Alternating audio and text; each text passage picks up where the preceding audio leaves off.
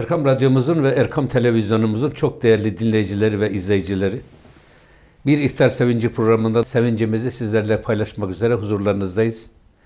Bugün Ramazan-ı Şerif'in ilk iftarı ve ilk günü. İlk iftar sevincimizi de her zaman olduğu gibi muhterem üstadımız Osman Nuri Topbaş Efendi ile e, sizleri buluşturmak istiyoruz.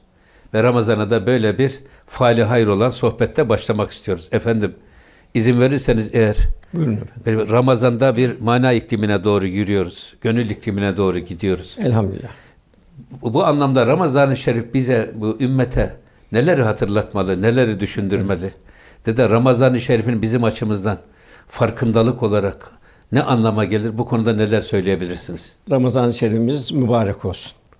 İnşallah Ramazan-ı Şerif'i bol ibadet, taat, muamelat, hizmetle ihya etmeyi Cenab-ı Hak cümlemize ihsan eylesin, ikram eylesin, lütfeylesin inşallah. Amin inşallah. Rabbimiz insanı en şerefli mahluk olarak halketti ve kuluyla dost olmayı arzu ediyor. Nefati fi min ruhi buyuruyor. Kendinden vasıflar veriyor, cemali sıfatlar.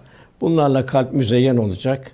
Cenab-ı Hak o kalbi e, cennete davet ediyor. Kalbi selim olacak.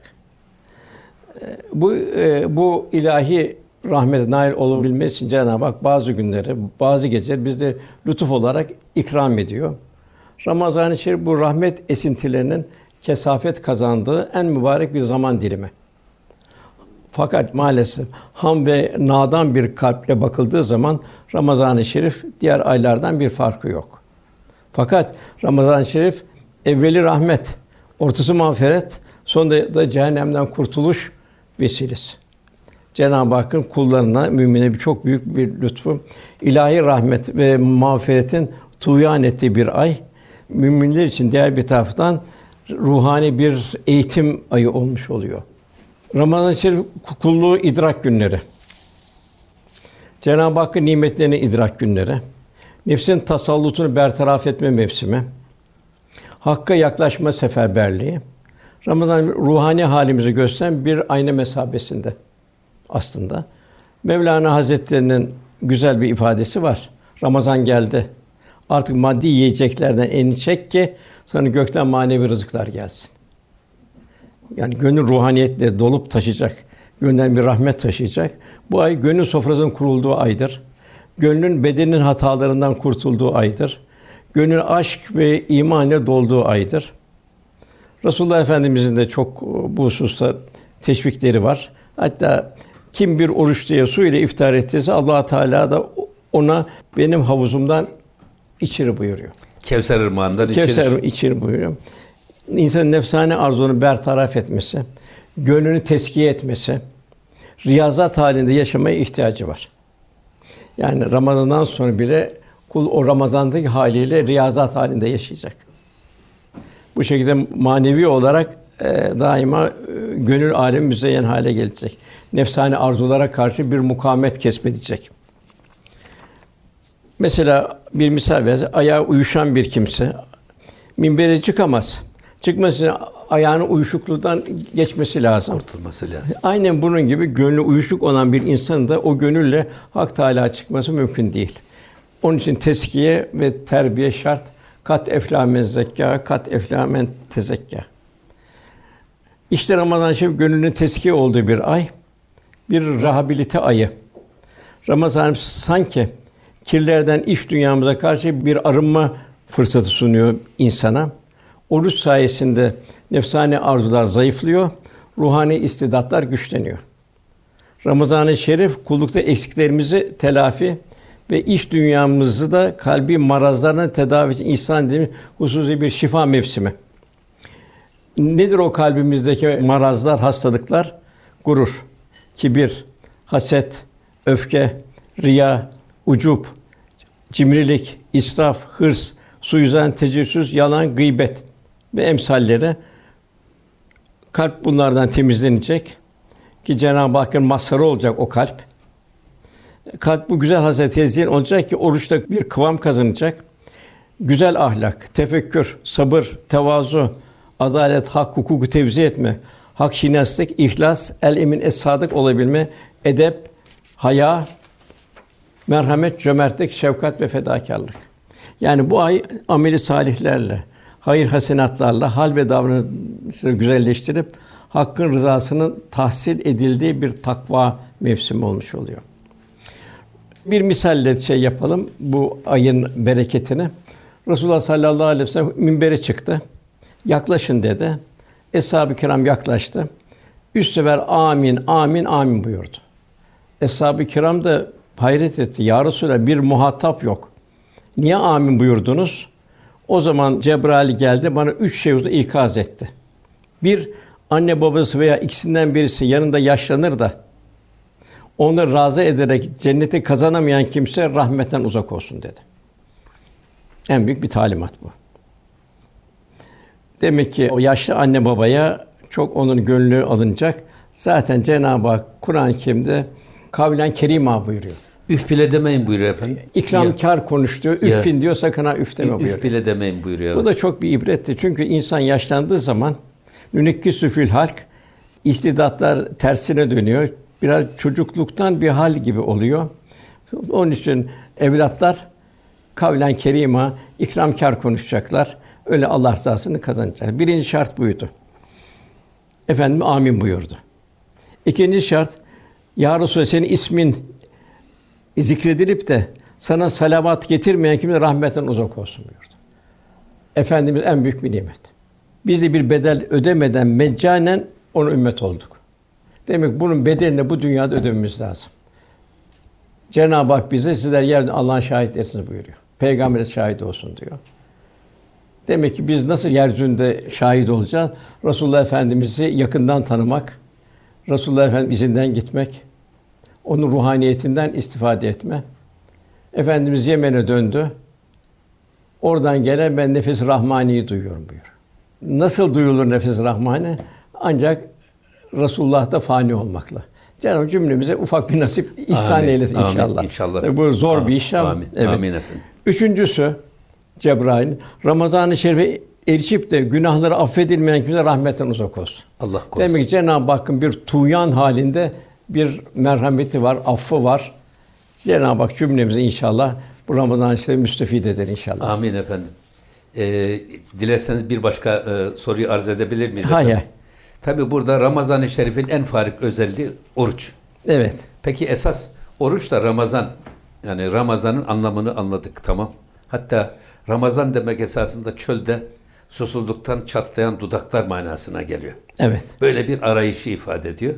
Allah'ı aramak, Allah'a kavuşmayı murad etmek. Burada tabi Ramazan'ın farik vasfı oruç. Evet. Peki orucun insana kazandırmak istediği, vermek istediği duygu dünyası nedir? Neler söyleyebiliriz? Efendim burada tabi Ramazan-ı Şerif ayeti kerimede Cenab-ı Hak ey iman edenler oruç sizden önce gelip geçmiş ümmetlere farz kılınayım size farz kılındı. Demek ki bir müminin teskiye olma durumu var. Kalp alem olarak temizlenecek. Cenab-ı Hak lâlleküm tettekûn buyuruyor. Umulur ki takva sahibi olursunuz. Tabi bu takva sahibi olabilmek göze oruç, kulağa oruç, dile oruç, uzuvlara oruç. Yani oruç bizi takvaya ulaştıracak. Yani takva nedir? Nefsani arzuları bertaraf etme, ruhani istidatları inkişaf ettirme, kulun kendisini ilahi kameranın, ilahi müşahede altında olduğunu kalpte idrak ve şuur haline gelebilmesi. Bize en büyük nimet e, orucun budur. Lealleküm tettekûn. Umulur ki takva sahibi olursunuz. Şunu unutmayacağız ki her ibadet ruha bir vitamindir. Rabbimiz her ibadet bizlere götürmesi gereken bir gayeden bahsediyor. Cenab-ı Hak mesela namaz için namaz fahşadan münkerden korur buyuruyor. Demek ki namaz ne kadar biz ruhani olarak kılabilirsek ki biz namaz bize önümüzde bir röntgen o kadar bir fahşadan münkerden Cenab-ı Hak bizi korumuş olur. Yani namaz insanı bir kıvama ulaştırmalı. Şimdi bir insan namaz kılıyor ama kötülüklerden kopamıyorsa o zaman onun kıldığı namazda bir problem vardır. Kalbinde bir problem vardır. Onu çözmesi lazım. Yani Cenab-ı Hak oruç ile aleyküm tettekûn buyuruyor. Yani orucun insanı takvaya ulaştırması lazım. Zira layıkıyla tutulan bir orucun verdiği fez ve ruhaniyet pek müstesna. Oruç yine nimetlerin kadrini bildirerek gönüllerdeki şükran duygusunu derinleştirir. O kadar nimetler var ki sayamazsınız Cenab-ı Hak buyuruyor. Diğer mahlukata bakıyorum. Kainatta milyonlarca her hayvanın sofralar kurulur. Bak insana verilen sofra çok ayrı. Diğer hayvanlar bir türlü iki türlüdür en fazla. Bak insanın sonu yok. Toprak insanın çalışıyor, ağaçlar insana çalışıyor, hayvanlar insana çalışıyor. Sayamazsınız buyuruyor. İstatistiğini bile yapamazsınız. Yapamaz, mümkün değil. Evet. Yani her gün rahatça yiyip içtiğimiz nimetlerden günün kısa bir kısmından mahrum kalıyoruz o kadar. İnsan aczini daha derinden idrak ediyor. Ne kadar muhtaç Cenab-ı Hakk'ın nimetlerine. Tabii en çok iman nimetine muhtaç o ayrı. Onu getirdiği huzur çok ayrı. Fakat bu ibadet, muamelat, muaşeret de bir takviye durumunda. Yine idrak ediyoruz ki her an Rabbimizin lütfuna müstarak halindeyiz. Onun sayısız lütuflarına karşı gönlümüzde daima hamd ve şükür duygularının derinleşmesi lazım. Cenab-ı Hak Fatiha'nın ilk ayetinde Elhamdülillah Rabbil Alemin buyuruyoruz. Demek ki hamd kul daima Cenab-ı Hak övgü ve Cenab-ı Hakk'a şükran halinde olacak. Diğer taraftan oruç sabır talimidir. İnsan nefsin isteklerini frenleyebilmek iradesini kazanıyor. İlahi imtihanlardan muvaffakiyete geçebilmenin en mühim sırrı insan nefsine hakim olması. Fe'lema fucura ve takva kat eflâ meslek. Fucur bertaraf edilecek, kalp takvada mesafe alacak. Mesela ne olacak? Öfke öfke yenilecek. Yani gayzı yutanlar buyuruyor Cenab-ı Hak. Affetme. Arada Müslüman arasında bir husumet olmayacak. Fedakarlık olacak. Feragat olacak. Bu yüksek faziletler hep nefsin itirazlarını susturabilmek. Bir vasfı da bu olacak. Orucun bize getirdiği nimet. Tabi hadis-i şerifte çok şey var. Birbirinize bilhassa oruçluyken, her zaman olduğu gibi oruçluyken çirkin söz söylemesin. Çekişmesin. Eğer biri kendisini çatarsa ben oruçluyum desin. Zaten Furkan suresinde İbadur Rahman Allah'ın rahmetinin üzerine tecelli etti kulları Cenab-ı Hak bildirirken cahiller karşısında selam ederler, bir tebessüme geçerler. Muhatap olmazlar. Diğer bir husus, oruç nefsane dizginleyerek ruhaniyete seviye kazandırır. İnsanda ruhaniyet ve nefsaniyet bir terazinin iki kefesine benzer. Bir hafiflediğinde diğeri ağırlık basar. Yani fani hazlardan uzaklaşmayan bir gönül baki lezzetlere kavuşamaz. Nefsani arzulardan sıyrılması zaruri. Yani çocuklar da sütten kesilmedikçe yüksek gıdalara ve hayatı lezzetlerine eremezler. Mevlana Hazretleri yine ne güzel buyurur. Teni aşırı besleyip geliştirmeye bakma. Çünkü o sonra toprağa verilecek bir kurbandır. Sen gönlün feyiz pınarlarından doldurmaya bak. Zira yücelere gidecek ve şereflenecek olan odur. Cesedini yağlı ballı şeyler az ver. Çünkü tenini fazla besleyen nefsani arzulara düşüyor, sonra rezil olup gidiyor. Ruha manevi gıdalar ver. Olgun düşünüş, ince anlayış ve ruhi gıdalar sun da gideceği yere güçlü kuvvetli gitsin. De bu çok mühim teskiye. Resulullah sallallahu aleyhi ve sellem Tebük seferinden dönüyorlardı. Tabi zor bir seferdi. Bin kilometre gitti sahabe, bin kilometre dönüyor. İlk şey mukavemetti, Haçlı seferine karşı bir mukavemetti. Tabi yolda çok meşak, susuzluk, açlık çekildi. Deriler kemiklere yapıştı. Saç sakal birbirine girdi. O zaman Resulullah sallallahu aleyhi ve sellem Efendimiz şimdi küçük cihattan büyük cihada dönüyoruz. Ya Resulullah halimiz belli ortada. Efendim buyur şimdi evet büyük cihada dönüyoruz. Ruhun nefsani arzulardan selamet bulması. Oruç tutan kimse de nefsin tasalluttan kurtulan ruhun manevi fetihleri başlar. Bu bakımdan oruçlu bir fazilet mücahidi demektir. Gerçek oruçlu. Yine oruç güzel ahlak ve takva talimidir. Makbul bir oruç bütün uzuvların bilhassa kalbin iştirak ettiği oruçtur. Yani yalnızca mideye aç bırakmakla kamil manada oruç tutulmuş olmaz. Mideyi ilave eden göze, kulağa, hususuyla ağza oruç tutturabilecek ki oruç ibadetin fez ve ruhaniyetinden istifade edilsin. gıybet, dedikodu, yalan ve emsalleri bu şekilde geçen bir oruçtan geriye kuru bir iskelet kalır. Açlıkta başka bir şey Öyle. kalmaz. Evet. Asıl saatte iki tane kadın oruç tutuyordu. Öyle üzere bir kişi geldi. Ya Resulallah, şurada iki kadın var. Oruç tutuyor. Nerede susuzluktan ölecekler. O müsaade ederse oruçlarını bozsunlar dedi. Allah Resulü ondan yüz çevirdi, cevap vermedi. Gelen kişi, ya Nebiyallah, vallahi neredeyse ölecekler dedi. Efendim onları çağır dedi. Kadınlar geldiler. Resulullah bir kap istedi. Kadınları birine vererek içindekini çıkar dedi. Kadın kabın yarısını dolduracak şekilde kan, cerahat ve et kustu. Diğerleri de aynı şekilde emir buyurunca o da aynı kabı aynı şekilde doldu. Cerahat, kan ve pıhtıyla. Bunu sallallahu aleyhi ve sellem bunlar burası çok mühim. Bunlar Allah'ın helal kıldığı şeylerde kendilerini tuttular. Onlara karşı oruçlu oldular. Haram kıldığı şeylerle oruçlarını açtılar. Yani gıybette oruçlarını açtılar. Demek ki dili iyi muhafaza etmek lazım. Sükût, tefekkür ve zikir. Yine Abdullah Dehlevi Hazretleri var Allah dostlarından. O bir oruçken bir e, cemaatin içinden geçiyor. Cemaatte çirkin çirkin konuşuyor. Abdullah Dehlevi Hazretlerine hemen oradan çıkıyor talebesine oğlum bir orucum bozuldu diyor. Üstad diyor siz ne gıybet ettiniz ne içeride oturdunuz. Fakat diyor, oradan esti diyor. Etkilendim diyor. Etkilendim diyor. Oradan diyor esti diyor. Ruhaniyetim kayboldu diyor. Demek ki burada en mühim dilimize hakim olabilmek. Efendim buyuruyor. Ya hayır söyle veya da sükût et buyuruyor. Yine oruç bir ihlas talimidir. Her ibadette olduğu gibi oruçta yegâne niyetimiz Cenab-ı Hak rızası olacak.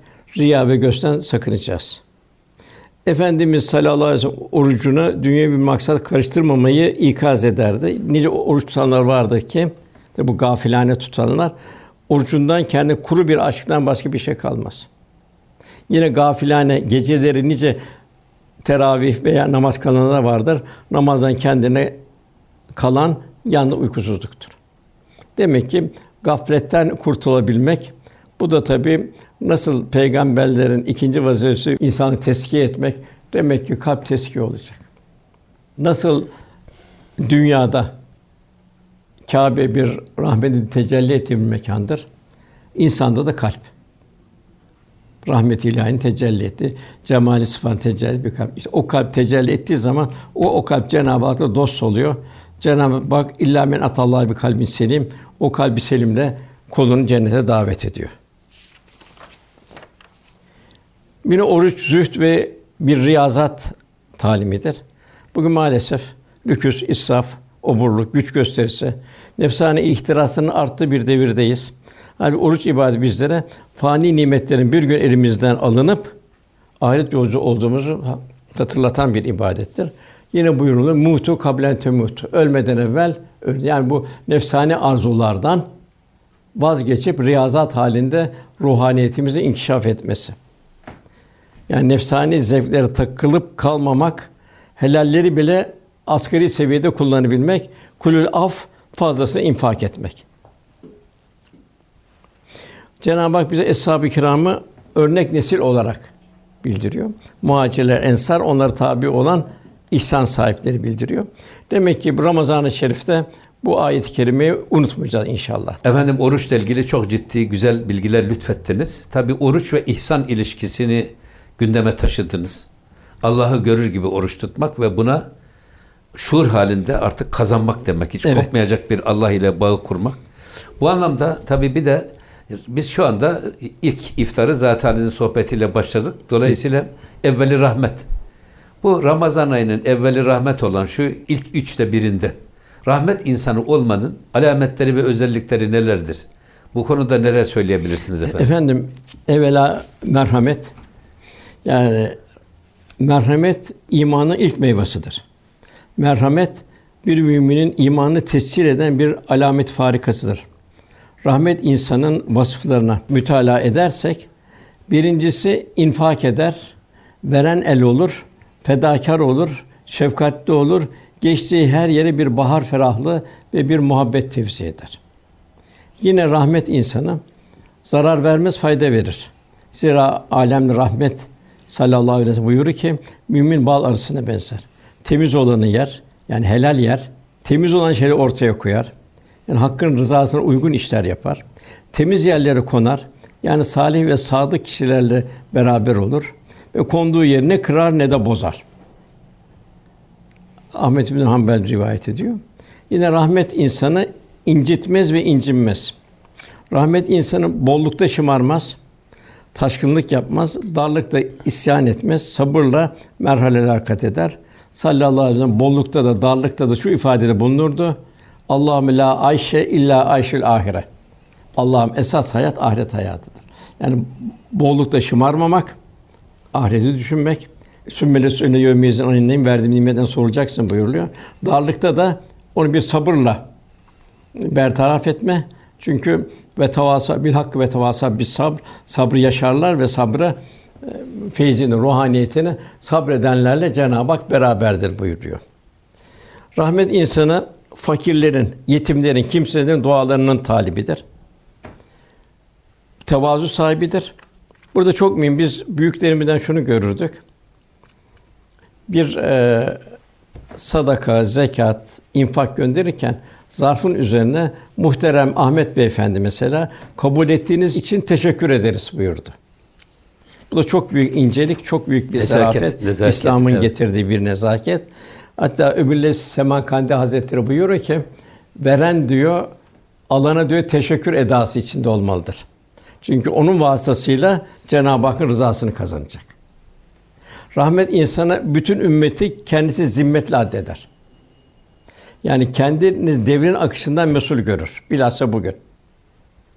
Rahmet insanı sadece kendisine, evladlarına, yakınlarına değil, din kardeşlerine, bütün ümmeti Muhammed'e insanlıktaki eşi olan bütün insanlığa kendisine emanet olan bütün mahlukat şefkat ve rahmet tevzi eder. Yani gayrimüslimlerin bile ona bile merhamet nazarıyla bakar. Onların son nefesi meçhuldür. Onları bile hidayete davet halinde haliyle kali. Hazreti Ömer radıyallahu anh siz de sükutunuzla diyor davet edin diyor.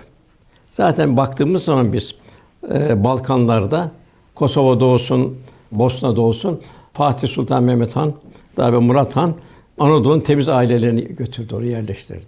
Evladı Onların Fatih haliyle Han, evet. oranın halkı da Müslüman oldu. Demek ki Müslümanın hali çok mühim. Bu rahmet insanları derken efendim aklıma ne geldi? Musa Efendi Hazretleri Konya'ya giderken Aksaray'dan o e, direkt yol minare gibi gidiyor ama arabalar da çok hızlı gidiyor. Sığırcık kuşları filan da gelip yola kalabalık halinde konuyorlar ama arabalar hızla giderken de her bir araba 3-4 tane e, sığırcık kuşunu eziyor. Bunun üzerine talimat veriyorlar ve yolun iki tarafına o e, bu arpa ya da yem atmayı tavsiye buyuruyorlar. Doktor Baybal abi bunu özellikle yapıyordu. Evet. İşte bu esasında rahmet insanların en güzel göstergesi. Efendim Halik'in nazıyla mahlukata bakış Evet. tarzı. Evet. Yani seni yaratan Allah, o hayvanatı yaratan aynı Allah. Evet.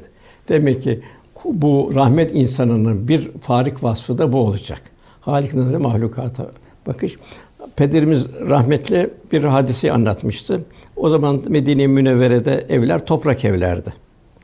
Ee, Biz dedi hazırladık dedi Sami Efendi Hazretleri'nin odasını dedi.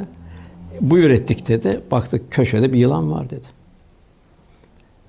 Acaba ne yapacağız şaşırdık.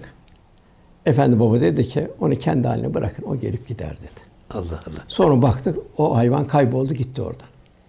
Allah. Yani bu nedir? Halik'in adı mahlukata bakış tarzı. İşte rahmet insanın hali. Evet. Değil mi? Onu hayvanı görürken Cenab-ı Hakk'ın el musavvir el bari sıfatını düşünecek. Bir de şunu düşünecek. Ben o hayvan olabilirdim. O benim gibi insan olabilirdi. Yani insan bir merhamet tevzi edecek bir mümin. Bugün tabii dünya vahşileşti. Dünya bir cahiliye devrine döndü. Bu küresel güçlerde maalesef liberal bir hayat, maneviyat yok, ahiret endişesi yok ve birçok ülke matem ülkesi haline getirdi. İşte Suriye, Yemen, Myanmar vesaire emsalleri. Filistin, Irak hepsi. Maalesef aynı cahiliye devrinde bir fark var. O da geometri farkı. Gardırop farkı o kadar. Ona döndü. Onun için bu zamanda olan yapılan hizmetler çok mühim. Sallallahu aleyhi ve sellem Efendim, benim ümmetim bir yağmur gibidir buyuruyor. Demek ki bugün bir yağmur damlası olabilmek. İslam'ı temsil edebilmek. Tabi yaşayarak temsil edebilmek.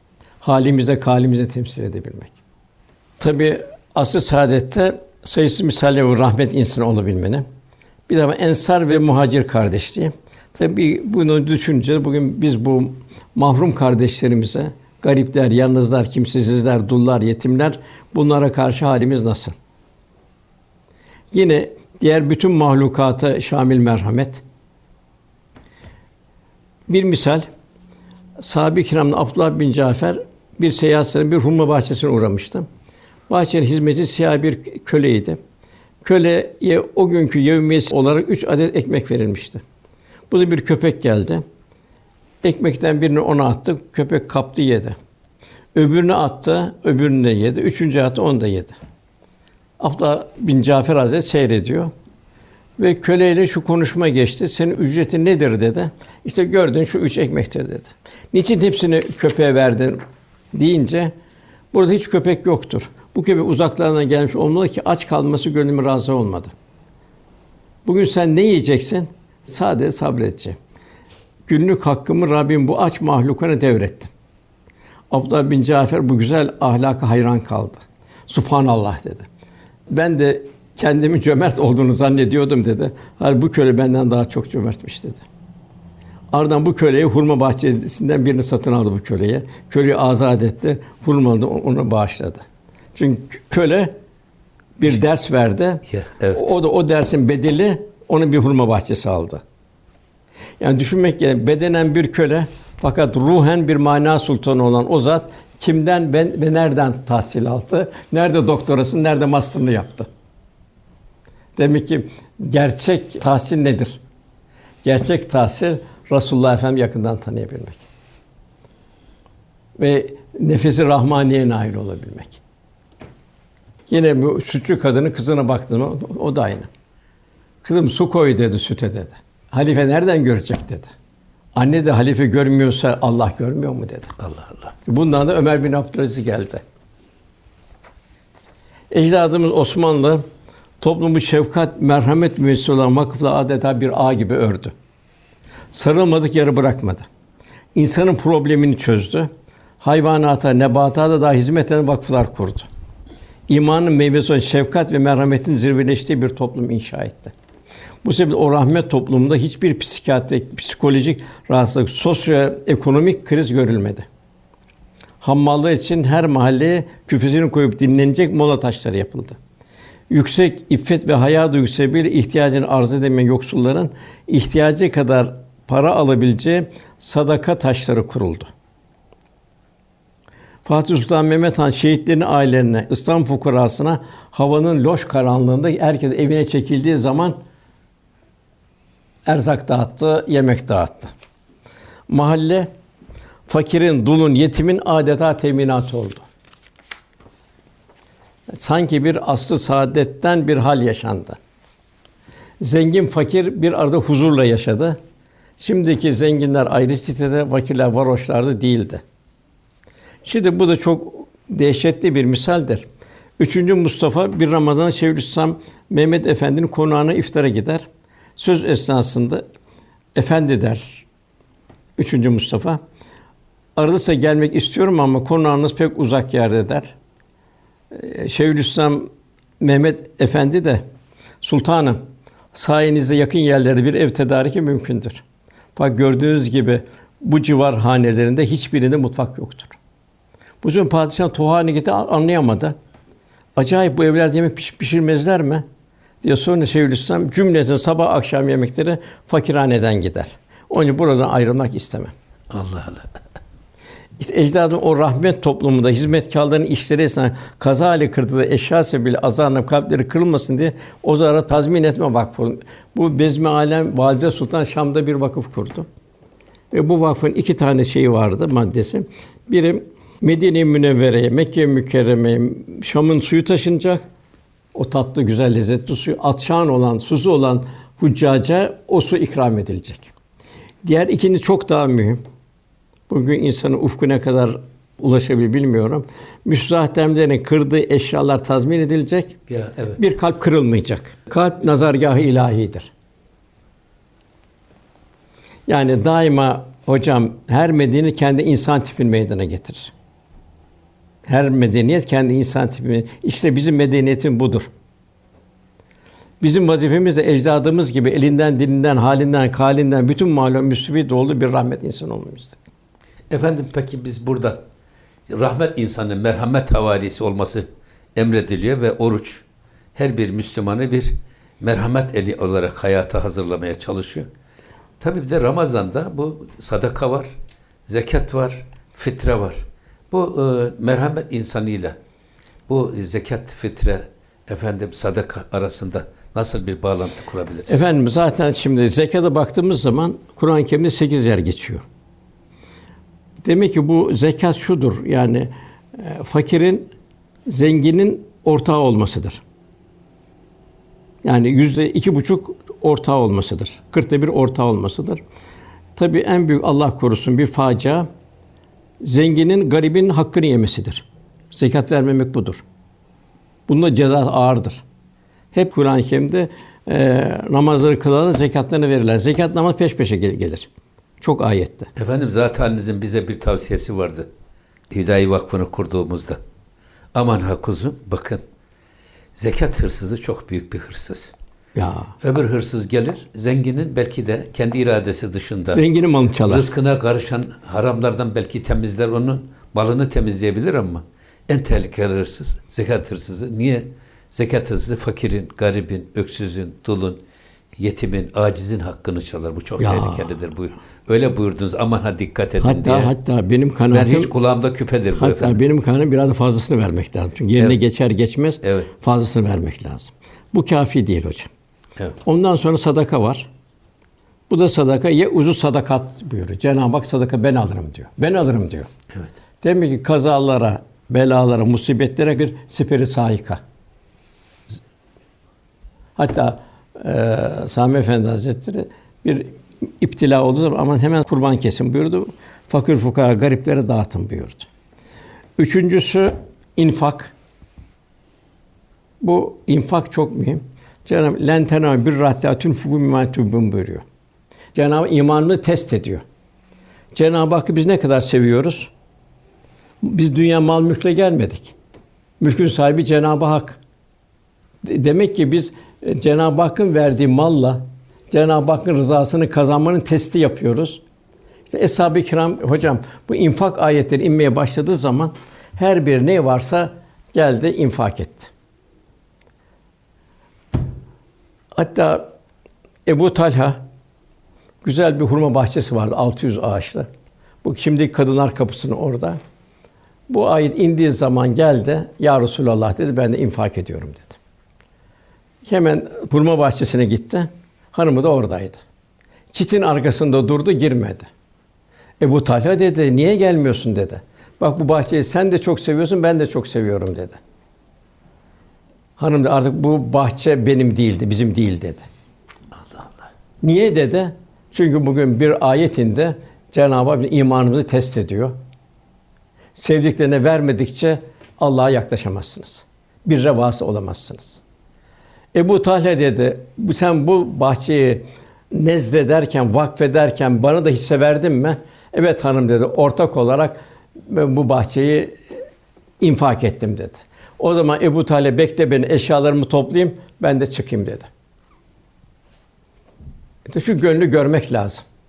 Yani Resulullah sallallahu aleyhi ve sellem Efendimiz çok affeder vahşi insanlardan nasıl bir medeniyet şaikası meydana getirdi.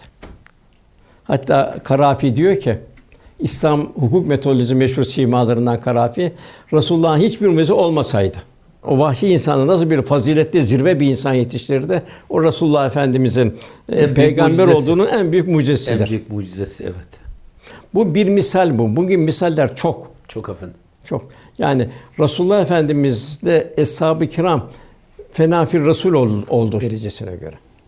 Eshabın derdi ben acaba kıyamette beraber olabilecek miyim? Yani Eshab-ı Kiram buyurdu ki biz yüzlerce, binlerce hadis-i şerif e, dinledik fakat en çok bizi tesir eden el meru men ahabbe. Ya. Kişi sevdiğiyle beraberdir. Ben nasıl Resulullah'ın çünkü dünyada bir insanlıkta bir abide gördü. O abide hayran oldu. Ben Allah razı beraber olabilecek miyim? Efendim Mualla bin Fadıl vardır. Allah dostuna. O şöyle buyurur. Selefi Salihin Cenab-ı Hakk'a altı ay kendilerine Ramazan'a ulaştırmasını dua ederlerdi. Allah Allah. Altı ay. Altı ay dua eder Ramazan-ı Şerif'e Rabbim bizi mülaki kılsın. Geri kalan altı ayda da idrak ettik Ramazan'ın kabul buyurulması için dua ederlerdi. Demek ki hocam Ramazan-ı Şerif'i hakikaten büyük bir disiplindir. Nasıl bu ticari firmalar ya da sporcular kampları çekirler, ihtilattan men kararı alırlar. Evleriyle bile irtibatı kesiliyor efendim. hazırlanırlar. Evet. Demek ki bizlerin de rahmet-i ilahiyeye nail olmamız için bu Ramazan-ı Şerif çok güzel bir mevsim. Bak Cenab-ı Hak idrak ettirsin. Amin. Cebrail'in dediği gibi Allah korusun Ramazan-ı Şerif girer de affolmadan çıkar. Cenab-ı Hak muhafaza buyursun. Amin. Efendim izin verirseniz sohbetimizi burada noktalamak istiyoruz. Süremiz doldu. Estağfurullah. Ağzınıza sağlık, yüreğinize sağlık. Böylece biz bu Ramazan-ı Şerif'in ilk iftarına zatenizin sohbetiyle başlamış olduk. İnşallah bu e, hayırlara vesile olur. Amin, amin. Çok teşekkür ediyoruz efendim. Hocam biz teşekkür ederiz. Estağfurullah efendim. Ve, ve, bütün kardeşlerimizden de inşallah Cenab-ı Hak'tan bereketli bir Ramazan-ı Şerif, huzurlu bir Ramazan-ı Şerif ve bir e, bayram şehadetnamesini alabilmeyi Cenab-ı Hak nasip eylesin. inşallah. Amin efendim. Amin efendim. Erkam Radyomuzun ve Erkam Televizyonumuzun çok kıymetli izleyicileri ve dinleyicileri, muhterem üstadımız Osman Nuri Topbaş Beyefendi sohbetimizi burada noktalamış bulunuyoruz. Bir başka iftar sevincinde sevincimizi paylaşmak üzere huzurlarınızda olmak ümit ve temennisiyle hepinizi Allah'a emanet ediyoruz. Kalın sağlıcakla.